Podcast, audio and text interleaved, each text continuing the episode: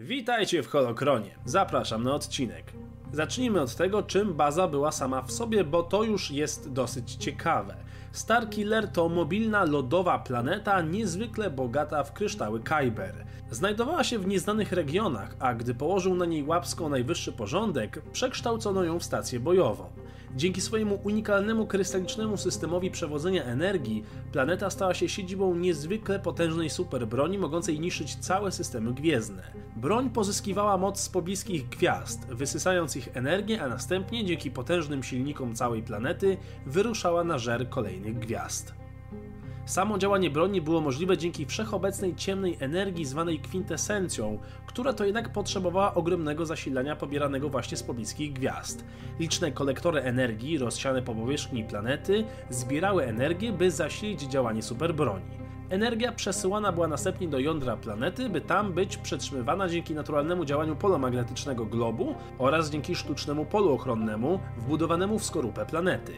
Jednak ciało niebieskie nie było w stanie utrzymać tak gigantycznej ilości energii samo w sobie, tak więc wspomagano ją oscylatorem termicznym, który pozwalał na zużywanie mniejszej ilości energii do utrzymania ogromnej ilości ciemnej energii. Następnie gigantyczny pusty cylinder służył niejako w formie celownika czy lufy superbroni, skupiając gigantyczne ilości nagromadzonej mocy w konkretnym kierunku. Absorbował także część energii z wystrzału, które w przeciwnym razie powodowałyby katastroficzne trzęsienia Ziemi. Budowa superbroni miała jednak swoją słabość. W momencie pełnego naładowania usunięcie zrównania oscylatora termicznego sprawiało, że uwolniona energia nie szła przez cylinder, ale wracała z powrotem do jądra, co z kolei prowadziło do uwolnienia naładowanej mocy poprzez powierzchnię całej planety. Sam niszczący karmazynowy promień był w istocie pochodną ciemnej energii, poddanej transformacji w energię zwaną fantomową. Ta nowa, fantomowa energia, rozrywająca hiperprzestrzeń, mogła działać tylko w linii prostej, przechodząc w tak zwaną subhiperprzestrzeń. Fantomowy promień działał tylko na obiekty o wystarczająco dużej masie, takiej jak cała planeta podczas gdy inne przeszkody przeszywała bez szkody dla nich. Interakcja z tak dużym obiektem jak planeta sprawiało, że ta zostawała poddawana tak wielkiemu wzrostowi temperatury, że dochodziło do zapalenia się rdzenia planety i w efekcie tworzyła się tak zwana kieszonkowa nowa. Wybuch takiej nowy spowodowany energią fantomową był widoczny w krótkim czasie w odległości tysięcy lat świetlnych, gdyż owa energia zakrzywiała czas oraz przestrzeń. Baza Starkiller była dodatkowo chroniona przez planetarne pole ochronne, zdolne ochronić ją przed praktycznie każdym bombardowaniem oraz nie przepuszczało ono statków poruszających się w prędkości podświetlnej.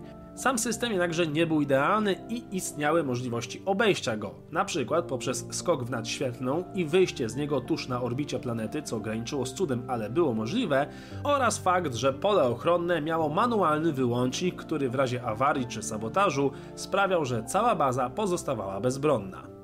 Na powierzchni mobilnej planety znajdowała się spora ilość hangarów, militarnej infrastruktury pełnej gotowych do działania garnizonów szturmowców, był tam także specjalny pokój przeznaczony do komunikacji z samym Snowkiem.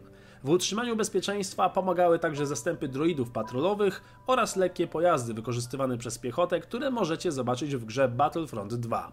Baza Starkiller została w końcu zniszczona przez ruch oporu, jednakże wcześniej zdołała zmienić w atomy cały układ hosjański. Cios ten zadał ogromne straty Republice i rozpoczął kolejną galaktyczną wojnę domową. To wszystko na temat tej super broni. Jeżeli wy szukacie super gadżetów, to zapraszam do mojego super sklepu, gdzie możecie znaleźć je w super cenach. A tak serio, to przejrzyjcie linki w opisie. Dzięki za oglądanie i niech potęga najwyższego porządku zawsze będzie z wami.